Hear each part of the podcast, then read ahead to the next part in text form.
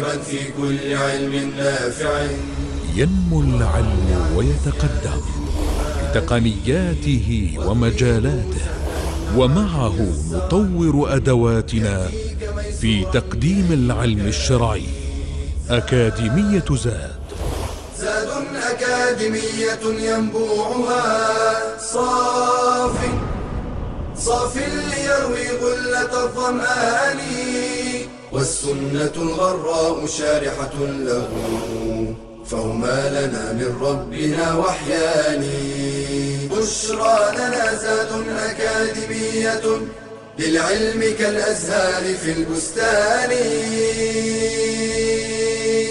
بسم الله الرحمن الرحيم. الحمد لله رب العالمين والصلاة والسلام على أشرف المرسلين نبينا محمد صلى الله عليه وعلى آله وصحبه وسلم تسليما كثيرا. أما بعد سلام الله عليكم ورحمته وبركاته. حياكم الله وبياكم وجعل الجنة مثوانا ومثواكم ولقاء يتجدد في أكاديمية زاد ومادة الحديث. حديثنا اليوم عن الحديث الثاني عشر. حديث أبي هريرة. أن رسول الله صلى الله عليه وسلم قال أتدرون ما الغيبة؟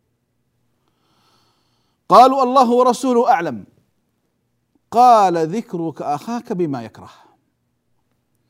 قيل أفرأيت إن كان في أخي ما أقول؟ قال إن كان فيه ما تقول فقد اغتبته وإن لم يكن فيه ما تقول فقد بهته. رواه مسلم. المفردات قوله بهته أي قلت فيه البهتان وهو الباطل وأصل البهتان ان يقال له الباطل في وجهه كما قال تعالى والذين يؤذون المؤمنين والمؤمنات بغير ما اكتسبوا فقد احتملوا بهتانا وإثما مبينا. والغيبة في اللغة هو كل ما غاب عنك وسميت بذلك لغياب المذكور حين ذكره حين ذكره الآخرون. وفي الاصطلاح ذكر الإنسان في غيبته بما يكره. قال ابن كثير والغيبة محرمة بالإجماع. ولا يستثنى من ذلك إلا ما رج رجحت مصلحته كما في الجرح والتعديل والنصيحة إلى غير ذلك. اليوم اليوم نحن أمام كارثة أمام مصيبة أمام طامة ليش مصيبة وكارثة وطامة؟ لأن من يسلم من هذا؟ من يسلم؟ من يسلم من الغيبة؟ يطلق عليها بعض العلماء فاكهة المجالس. الكلام في الناس. أصلا أصلا ما تحلو المجالس إلا فلان قال وفلانة قالت وفلان فعل وفلانة فعلت. وخاصة اسمحوا لي بين قوسين مجتمع النساء. وش سوت فلانة؟ وش قالت فلانة؟ وش طبخت فلانة؟ وين سافرت فلانة؟ وين كذا؟ وين كذا؟ وين كذا؟ حتى لا يتشعب بنا الكلام. خلونا نبدأ في الحديث. ثم نفيض الكلام في هذا الموضوع الخطير جدا جدا جدا. النبي صلى الله عليه وسلم يطلق هذا يطلق هذا السؤال على الصحابة. ينبه كارثة مصيبة. أتدرون ما الغيبة؟ انظر أدب الصحابة. الصحابة قمة الأدب قمة الأخلاق قمة اللطف قمة المكانة العالية. أبدا. صحابة رسول الله والله لن يتكرروا. والله لن يتكرروا إلى قيام الساعة. اختيار من الله لهذه الصفوة. أتدرون ما الغيبة؟ قالوا الله ورسوله أعلم. قال ذكرك أخاك بما يكره. ذكرك أخاك بما يكره. أحد الصحابة يستفسر. قال يا رسول الله أفرأيت إن كان فيه ما أقول? قال إن كان فيه ما تقول فقد اغتبته هي الكارثة هذه. هذه الكارثة. وإن كان ليس فيه ما تقول فقد بهته بهتان. بعض الناس يقول يا أخي أنا والله ما قلت باطل. والله كل كلامي صح. أنا أدري إنه كله صح. أن الكارثة إنه كله صح. الغيبة داء. أذكر كلمة للحسن البصري. احفظوها. يقول رحمه الله إن الغيبة أسرع إلى دين صاحبها من الأكلة إلى جسده. أو كما قال. لكن هذا معناها. يقول الغيبة تفتك بدين الرجل أسرع مما تفتك الأكلة بجسده. إيش الأكلة؟ الغرغرينة. الآن الغرغرينة إيش إيش علاجها؟ البتر. ما في لها علاج بتر على طول. فيقول الحسن رحمه الله الغيبة أسرع إلى دين الرجل من الأكلة إلى جسده.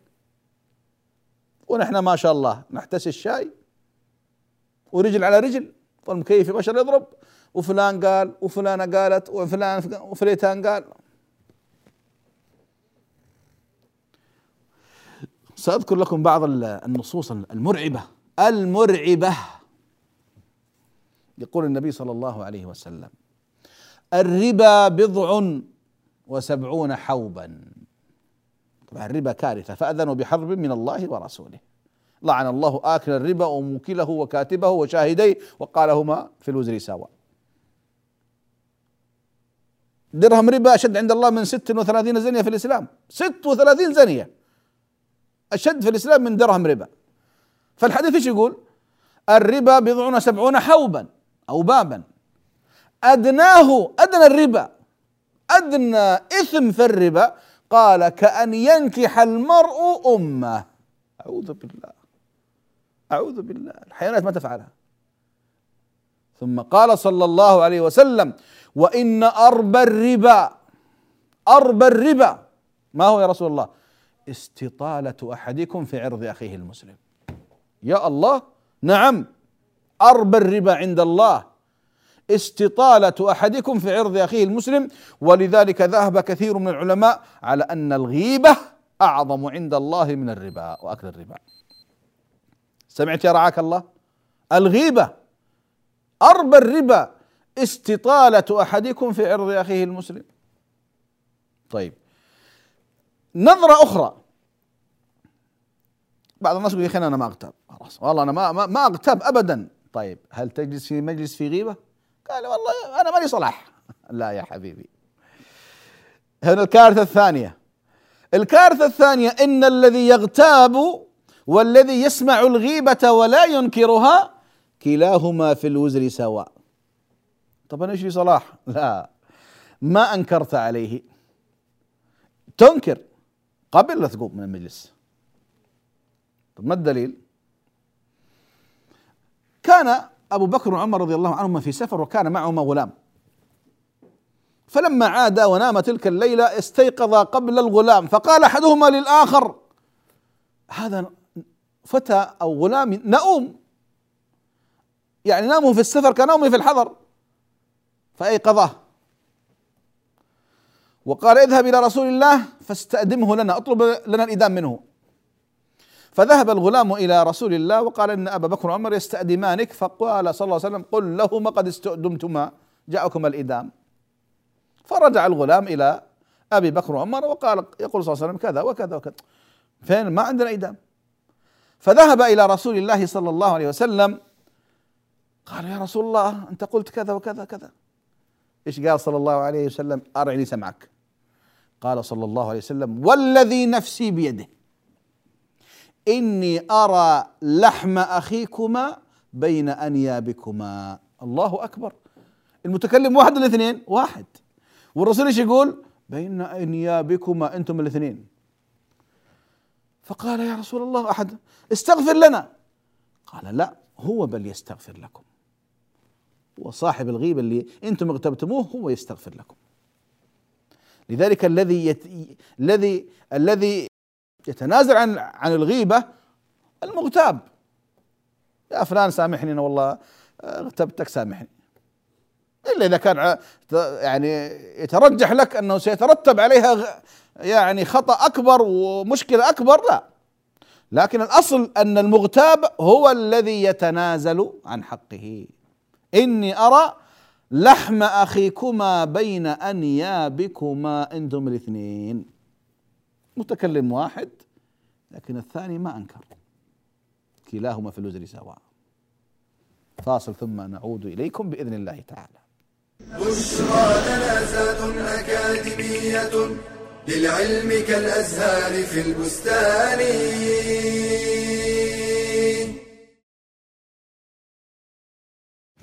ربما تحب أحد الأبناء أو البنات أكثر من إخوتهما. إما لبره أو أدبها أو غير ذلك. ولكن هل يجوز أن تفضل من تحب في العطية وتخصه بالهدايا دون الآخرين؟ لنستمع إلى هذه القصة التي جرت للصحابي الجليل النعمان بن بشير يقول رضي الله عنه سألت أمي أبي بعض الموهبة لي من ماله فوهبها لي فقالت لا أرضى حتى تشهد النبي صلى الله عليه وسلم. فأخذ بيدي وأنا غلام. فأتى بي النبي صلى الله عليه وسلم فقال له يا بشير ألك ولد سوى هذا؟ قال نعم. فقال أكلهم وهبت له مثل هذا؟ قال لا. قال فلا تشهدني إذن فإني لا أشهد على جور. ففي هذا الحديث تحذير من تفضيل أحد الأبناء على إخوته. وأنه من الجور والظلم ولم يفرق بين الذكر والأنثى وذلك لما يؤدي إليه من الكراهية والنفور بينهم. ولا حرج في الميل القلبي لأحد الأولاد دون غيره لأن ذلك أمر ليس في مقدور العبد وإنما الذي يحرم أن يفضل المحبوب على غيره بالعطايا دون سبب شرعي. فإن حصل مثل هذا التفضيل وجب رد العطية أو إعطاء الآخرين مثل أخيهم. ويجوز التفضيل بين الأولاد. إذا كانت هناك أسباب وجيهة تدعو إلى ذلك كأن يخص أحد أولاده لمرض أصابه أو فقر وحاجة ألمت به أو لاشتغاله بطلب العلم ونحوه من الفضائل. وللوالد أن يمنع العطية عمن يستعين بها على معصية الله تعالى ويعطيها لمن يستحقها. قال تعالى وتعاونوا على البر والتقوى ولا تعاونوا على الإثم والعدوان واتقوا الله إن الله شديد العقاب.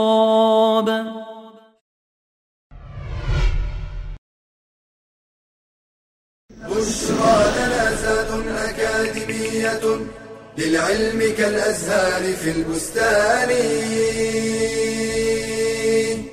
بسم الله الرحمن الرحيم. الحمد لله والصلاة والسلام على رسول الله وبعد. ما زلنا مع هذه الكارثة الغيبة فاكهة المجالس أعراض الناس. قلت لكم يا أحبابي قبل الفاصل. الذي يغتاب ويست والذي يستمع الغيبة ولا ينكر كلاهما في الوزر سواء. شاهد آخر. الصحابة الذين قالوا وهم قافلون من غزوة تبوك ما رأينا مثل قرائنا أرغب بطونا وأكذب ألسنة وأجبن عند اللقاء.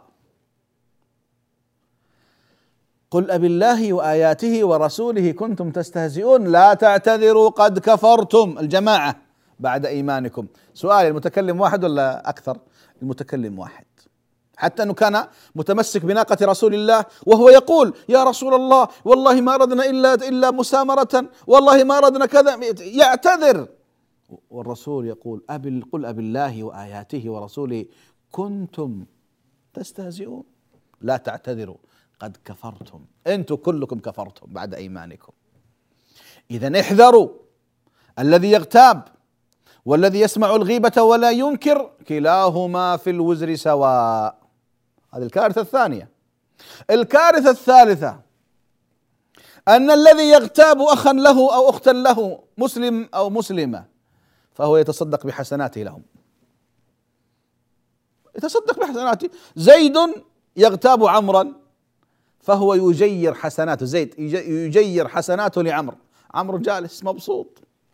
جالس في البيت ما أسوي شيء. وهذاك صلاته وصومه وصدقته وقرآنه وبذله وقيام الليل وصوم النهار. تجهير لفلان أرسل أرسل أرسل. الله يا كد الفلس. أشتغل واعبد الله عز وجل وأعمل وبكل بساطة تروح بكل بساطة تروح. ذكر الحسن البصري أن رجلا اغتابه فأرسل له طبق من رطب. وقال لم أجد اكافئك به على أنك فضلتني على نفسك بحسناتك إلا هذا. يرسل له هدية. يقول ترى جزاك الله خير أنت ما قصرت. أنت أعطيتني حسناتك وهي الباقية. ترى هذا التمر هدية لك. التمر حيزول. الحسنات حتبقى. لذلك يقول ابن المبارك لو كنت مغتابا أحد لاغتبت والدي. ليش؟ لأنهم هم أولى الناس بحسناتي أولى الناس بحسناتي. وسئل رجل ما ألذ أنواع اللحوم؟ ما ألذ أنواع اللحوم؟ عندنا لو طرحت والله الحريات طيبة والنجديات جيدة وما شاء الله يعني الهرفيات طيبة والسواكنيات لك عليها والبربريات يمكن كذا ونبدأ نتكلم نفصل في إيش والسمك أفضل واللحوم كذا والدجاج بعض الأوقات البلدي ونفصل ها؟ فقيل له ما أفضل أنواع اللحوم؟ قال لحم الإنسان. لحم الإنسان؟ قال قالوا كيف ذلك؟ قال لأن الناس كلهم يأكلونه. صح ولا لا؟ والله الملوك تأكله والعلماء يأكلونه والجهلة يأكلونه وعامة الناس يأكلونه والرجال والنساء والصغار والكبار فلان قال وفلان قال وفلانة قالت وفلانة قالت وخذ وخذ ها؟ وين عقولنا؟ خاصة الآن مع هذه الثورة المعلوماتية وفي الانترنت وفي آه، الجوالات يصبح لا وبعدين ياخذ لك عروض عروض من شركات الجوالات. عرض مفتوح تكلم بباقة يقول لك يقول لك باقة. تكلم حتى تتعب. لك باقة؟ الأرقام هذه مجانية تكلم. لو تبغى في اليوم 24 ساعة تكلم. وبعض الناس خلني است... خلني أستفيد من هذه الباقة. ويبدأ بس. ولا والأخت الأخت جزاها الله خير تمسك الجوال. وبسم الله جاراتها واحدة واحدة. واخواتها وحده وحده وبنات العمومه وحده وحده والقريبات وزميلات المدرسة. فإذا انتهت رجعت الدوره مثلا مرة ثانية. ليش؟ قالت يا شيخ خط مفوتر مجاني. افعل اق... وين مجاني؟ وين وين؟ ما يلفظ من قول إلا لديه رقيب عتيد. كل كلمة كل حرف مقيد مسجل. وين بنروح يعني الاتصال الواحد كم فيه غيبة وكم فيه وكم فيه. عائشة رضي الله عنها لما قالت لصفية يعني جارتها زوجة النبي صلى الله عليه وسلم ضرتها. فغا يعني عائشة غارت من صفية ولما مرت ولت صفية رضي الله عنها تقول عائشة رضي الله عنها وأرضاها يا رسول الله يكفيك من صفية أنها قصيرة. هي قصيرة طبعا لكنها غيبة. يسكت صلى الله عليه وسلم. يتجاوز عنها لأنها حب الناس إليه. ها؟ قال ما هي عائشة؟ شو ما سكت. ما سكت. ما هي عائشة؟ والله لقد قلت كلمة لو مزجت بماء البحر لما زجته. كلمة واحدة شفتوا كيف إثمها عند الله؟ كلمة واحدة الآن الدول الغربية ترمي النفايات النووية فين؟ تخلص منها في البحار. تخلص منها. وهذه كلمة واحدة يقول لو مزجت بماء البحر إيش؟ لمزجته اذا القضية خطيرة ولا ما هي خطيرة؟ والله خطيرة. فلماذا؟ أين نحن أين عقولنا؟ أين عقولنا؟ اذا هذه كارثة ثانية. كما قلت تجيير الحسنات للغير. والواحد غافل. يشتغل ويعمل ويعبد ويصلي ويصوم ويتصدق ويعتمر ويحج ويصل أرحامه وهي تروح لفلان وتروح لفلان وتروح لفلان وتروح لفلان ويأتي يوم القيامة والرجال ربي كما خلقتني. هذا إن لم يكن عليك جبال من الذنوب والمعاصي.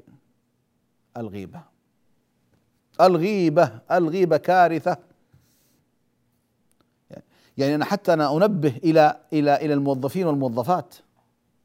الموظفين والموظفات. فلان قال وفلانة قالت والمدير قال والمديرة قالت والفراشة قال قالت والفراش قال وخذ حتى الطلاب. فشفت الطالب الفلاني إيش سوى؟ الطالب الفلاني غيبة. غيبة. يوم من الأيام النبي صلى الله عليه وسلم مع الصحابة جالس فمرت رائحة تأذى منها النبي صلى الله عليه وسلم والصحابة. فقال لهم عليه الصلاة والسلام أتدرون ما هذه الرائحة؟ قالوا الله ورسوله أعلم. قال هذه رائحة الذين يغتابون الناس في النار. أو كما قال صلى الله عليه وسلم. هذه الريح النتنة هي رائحة أجساد إيش؟ الأهل الغيبة اللي في النار. تأذى منها أهل الدنيا. فكيف ب فكيف بأهلها؟ إيش العذاب الذي سينزل عليهم حتى يخرج منهم هذه الرائحة الكريهة؟ ويقول صلى الله عليه وسلم مررت حين أعرج بي على قوم لهم أظفار من نحاس يخمشون وجوههم وصدورهم. منظر مفزع مقزز. فقال صلى الله عليه وسلم من هؤلاء يا جبريل؟ قال هؤلاء الذين يقعون في أعراض الناس. الذين يغتابون الناس. شوف كيف الجزاء. نسأل الله أن يعافينا وإياكم. لذلك أيها الأحبة نحرص. الله سبحانه وتعالى إيش يقول؟ يقول ولا يغتب بعضكم بعضا. ولا يغتب. بعضكم بعضا أيحب أحدكم أن يأكل لحم أخيه ميتا فكرهتموه الذي يغتاب مثل الذي يأكل لحم أخيه ميت شوف أخيه أخوك ابن أمك وأبوك ميت قدامك وأنت حزنان وتبكي ومتألم وفجأة تقطع من يده وتأكل جسده بالله تقبل هذا؟ تقبلها النفس؟ يمكن هذا يخطر على بالك؟ والله ما يخطر على بالي، لا الله عز وجل ذكره. ولا يغتب بعضكم بعضا أيحب أحدكم أن يأكل لحم أخيه ميتا فكرهتموه؟ وين عقلك؟ وين عقلك؟ لذلك احذروا فاكهة المجالس تذكروا قول الحسن إن الأك إن الغيبة أسرع إلى دين الرجل من الأكل إلى جسده إذا أنت تعمل وغيرك يكسب وغيرك أنت أنت تعمل وغيرك يكسب وين؟ وين عقلك؟ فاحذر يا رعاك الله واحذري يا أمة الله.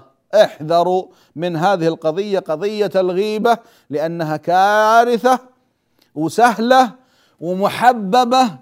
وحتى لو جيت في مجلس الناس يتكلمون في انه وقلت يا فلان اتق الله فلان اتق الله. جاء يعكر علينا مجالسنا خرب علينا الجلسة. لا أخربها وأخرب أبوها. إذا فيها معصية فيها معصية لا أخربها والله. وين عقلك انت؟ فبعض الناس ما ينبسطون في المجالس إلا إذا قال وقلنا وفعل وفعلنا. وشفت وشفت آخر فضيحة والجوالات آخر فضيحة. شفت إيش قال؟ حتى الآن هذه دخلت في الجوالات وفي الغيبة ولا حول ولا قوة إلا بالله. أتوقف إن شاء الله ونعود إليكم إن شاء الله بعد الفاصل. وصلى الله على محمد وعلى آله وصحبه وسلم والحمد لله رب العالمين. بشرى لنا أكاديمية للعلم كالأزهار في البستان.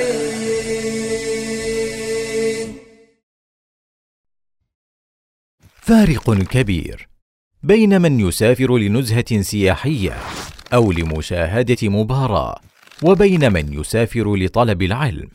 فالرحلة لطلب العلم موصلة إلى سعادة الأبد.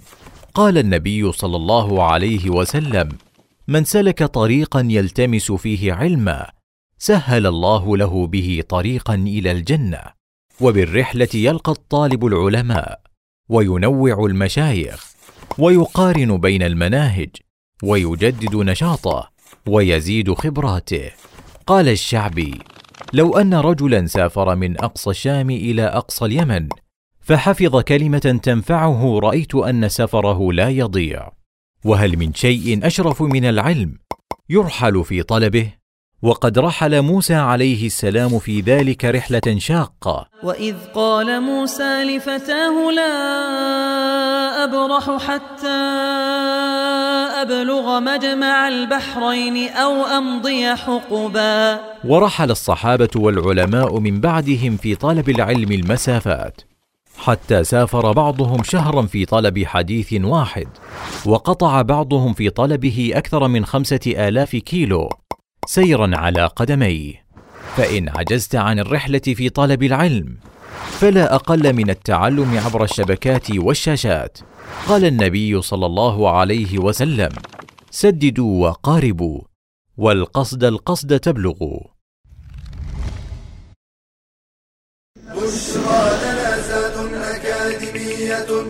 للعلم كالأزهار في البستان. بسم الله الرحمن الرحيم. الحمد لله والصلاة والسلام على رسول الله وعلى آله وصحبه ومن والاه. أما بعد سلام الله عليكم ورحمته وبركاته. ما زلنا مع هذه الكارثة الغيبة الغيبة. من يسلم منها؟ من يسلم منها أيها الأحبة. ولذلك أتمنى أن ندعو الله في دعائنا. اللهم اكفنا الغيبة وشر الغيبة وأسباب الغيبة ومجالس الغيبة. كما قلت لك وقلت لك يا أمة الله أنت تعمل وغيرك يكسب وأنت تخسر. تبني لكن لغيرك ما هو لك؟ بس شهوة كلام شهوة كلام شهوة مجلس. لذلك أيها الأحبة ينبغي أن ننتبه لمجالسنا الأسرية والمجالس العملية. ننتبه لهذه المجالس. حضرت مجلس فيه غيبة فيه قم. ما تقدر تنكر قم. ما تجلس. فتبوء بالإثم وانت ما لك صلاح. ما لك في القضية لا من قريب ولا من بعيد. لذلك النبي حذر. حذر من؟ حذر الذين يتتبعون المسلمين عورات المسلمين ويغتابونهم. يقول صلى الله عليه وسلم يا معشر من آمن بلسانه ولم يدخل الإيمان قلبه لا تتتبعوا عورات المسلمين ولا تغتابوهم فإنه من تتبع عورة أخيه المسلم تتبع الله عورته ومن تتبع الله عورته يفضحه ولو في جوف داره أو بيته. انتبه يكون الله خصمك. لا تتبع عورة المسلمين ولا تغتابهم. ثق تماما أن الله سيكون لك بالمرصاد. فإن من تتبع عورة أخيه المسلم تتبع الله عورته ومن تتبع الله عورته يفضحه ولو في جوف بيته. هل لك قدرة أو لك قدرة بمواجهة الله عز وجل؟ انتبه. انتبهوا أيها الأحبة. أرأيت إن كان فيه ما أقول قال إن كان فيه ما تقول فقد اغتبته. وبعض الناس يحلف والله أنا ما زليت عليه والله ما كذبت عليه. أنا أدري أنك ما زليت وما كذبت لكن هذه الكارثة هذه الغيبة التي ينبغي أن يترفع عنها المسلم المؤمن الذي عنده حرص على نفسه. كارثة تجي يوم القيامة وكل واحد إيش؟ يأخذ فيك من جهة. حقي يا رب قال حقي يا رب قال حقي يا رب وهات حقي يا رب وتوزع حضرتك. وبعدين مفلس ما عندك شيء. لا والله يجيك ناس يقول يا رب أبغى حقي منه. طب أنا ما عندي. قال يلا حولوا حولوا على من سيئاتكم عليه. الله يعينك يلا تحمل. وكل عملك إفلاس. ولا حول ولا قوة إلا بالله. يقول صلى الله عليه وسلم أتدرون من المفلس؟ قالوا المفلس منا من لا درهم له ولا متاع. قال المفلس من أمتي من يأتي يوم القيامة بصلاة وصيام وصدقة. وفي رواية بحسنات كالجبال فيأتي وقد ضرب هذا وقذف هذا وأكل مال هذا وسفك دم هذا. فيعطى هذا من حسناته وهذا من حسناته وهذا من حسناته. فإذا فنيت حسناته قبل أن يقضى عليه أخذ من سيئاتهم وطرحت عليه ثم قذف في النار. نعوذ بالله من الخذلان. مفلس احذر احذري. الغيبة. الغيبة. رسول الله صلى الله عليه وسلم ما سكت لعائشة وهي عائشة رضي الله عنها وأرضاها. حبه. الصديقة بنت الصديق. ما سكت. ما سكت. هي قالت كلمة واحدة بس. وكلمة حقيقية في واقعها لكنها غيبة. فالإنسان يحذر ويتعمد السكوت يتعمد السكوت. يا إما قل خيرا تغنم أو اسكت عن شر تسلم. طيب. إن كان فيه ما تقول فقد اغتبته. وإن لم يكن فيه ما تقول فقد بهته والبهتان أعظم. شفت الكلام اللي سمعناه الآن في كله في الغيبة؟ لما يجي البهتان لا لا البهتان أضعاف أضعاف أضعاف ما في الغيبة والعياذ بالله. اذا يا أخي بلاش مجالس بلاش مجالس. والله إذا كانت المجالس بتقودني إلى النار وش وديني فيها؟ إذا كان الحديث مع الناس يقودني إلى غضب الله ليش أتحدث مع الناس؟ يا خير قل خيرا يا لسان قل خيرا تغنم أو اسكت عن شر تسلم. من كان يؤمن بالله واليوم الآخر فليقل خيرا أو ليصمت. لذلك احذر اللسان. احذر لسانك أيها الإنسان لا يلدغنك إنه ثعبان. اذا الإنسان يحذر احذر تسلم. الغيبة الغيبة داء خطير. يفتك بدينك وبحسناتك وبعملك وانت ما تشعر. انت ما تشعر. لذلك كان السلف الصالح حريصين. طيب آه متى تجوز الغيبة؟ متى تجوز؟ وحينما أقول غيبة لا الغيبة ذاتها متى يجوز أن أتكلم بما يكره الآخر. ذكر العلماء وذكر النووي رحمه الله يعني هناك ستة أمور يجوز للإنسان أن يذكر ما يكره غيره لكن بشروط ما هي على إطلاقها. قال النووي رحمه الله فيما يباح من الغيبة قال اعلم أن الغيبة تباح لغرض صحيح شرعي لا يمكن الوصول إليه إلا بها وهو ستة أسباب.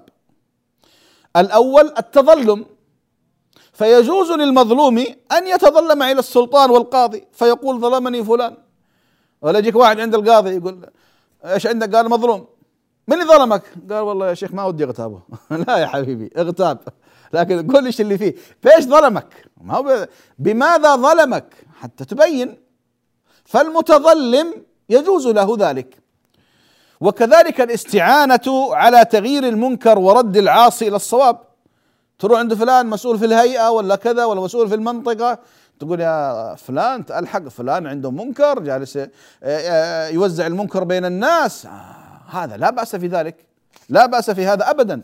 وهذا ليس من الغيبة. تغيير المنكر لا يتم تغيير المنكر إلا بالإخبار عن صاحب المنكر. الثالث الاستفتاء.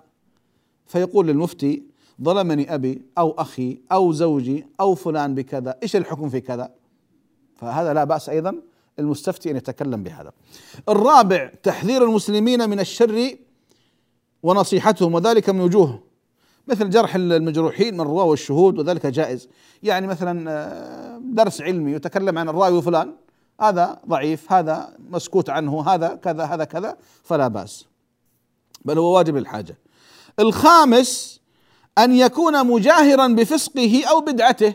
واحد يشرب خمر قدام الناس يروج أمور محرمة. تقول والله أنا أخاف الله وما ودي أقع في عرض الرجل. لا هذا رجل يؤخذ على يده ويؤطر على الحق أطرا. فأخذ المكسي وجباية الأموال ظلما. فيجوز ذكره بما هو بما يجاهر به. السادس التعريف إذا كان الإنسان معروفا بلقب. كالأعمش والأعرج والأصم والأعمى والأحول. يجوز ذلك. فلان من قالوا سليمان بن مهران. من سليمان بن مهران؟ قالوا الأعمش ومن رجال البخاري. فأنت تذكره من باب إيش؟ التعريف به. فهذه ستة أمور آه، يجوز الإنسان أن يتكلم فيها في في في بما يكره الغير. إذا أحبتي في الله كما قلت هناك ستة أسباب لا تدخل تحت الغيبة. لكن أنا أود أن أشير إلى نقطة مهمة. الشيطان حريص على بعض الناس. تقول يا فلان آه فلان إيش أخباره؟ قال لك الله يغفر لنا ويغفر له. شوف دعاء وهو غيبة. أدعو له غيبة؟ نعم. لما قلت الله يغفر لنا ويغفر له أنت تقصد فيه الانتقاص أصلا. فدعوتك هذه مع أنها دعوة لكنها غيبة. لأنك ذكرتها بإيش؟ بمحمل إيش؟ التنقص. طيب فلان إيش أخباره؟ فلان يا شيخ ما نبغى نغتاب. ما تبغى اغتبت أنت الآن بأم الغيبة. ما تبغى تغتابه يعني أنت أنت تعرض به. فلذلك يا إخواني ترى الشيطان حريص. احرصوا احرص. فلان اخبر لا حول ولا قوة إلا يا أخي خلاص. واضحه أي فعل أو حركة أو رمز أو إشارة فيها انتقاص أو عبارة فيها انتقاص فهي غيبة. والشيطان حريص على إيقاعنا ويسحبنا إلى أن نقع في هذه البوابة بوابة بوابة الغيبة فاكهة المجالس اللذيذة. يعني فيها لذة يا سلام. لما أتكلم في فلان وفلان وفلان وفلان وآل فلان وآل فلان والشيطان يحليها على لسانك. يحليها. احذر. انتبه. لا يجيك الناس يوم القيامة ويأخذون حسناتك وانت طالع فيهم. لا وغير كذا. إثمها في الدنيا. وأثرها السيء وشؤمها في الدنيا قبل الآخرة. لذلك أيها الأحبة الله الله. احفظ لسانك أيها الإنسان لا يلدغنك إنه ثعبان. نعم. كم من إنسان ممدد في قبره ميت لا في, في السابق كان له وكان له. لكن احذر. اللسان اللسان اللسان الغيبة الغيبة الغيبة. أسأل الله سبحانه وتعالى بأسمائه وصفاته أن يطهر قلوبنا من النفاق وأعمالنا من الرياء وألسنتنا من الغيبة وأعيننا من الخيانة. أسأل الله أن يؤتي نفوسنا تقواها وأن يزكيها هو خير من زكاها هو وليها ومولاها. اللهم اغفر لآبائنا وارحم أمهاتنا وأصلح نياتنا وذرياتنا وصل اللهم على محمد وعلى آله وصحبه وسلم والحمد لله رب العالمين. يا راغبا في كل علم نافع متطلعا لزيادة الإيمان وتريد سهلا النوال ميسرا يأتيك ميسورا بأي مكان. زاد زاد أكاديمية ينبوعها صاف صاف ليروي غلة الظمآن.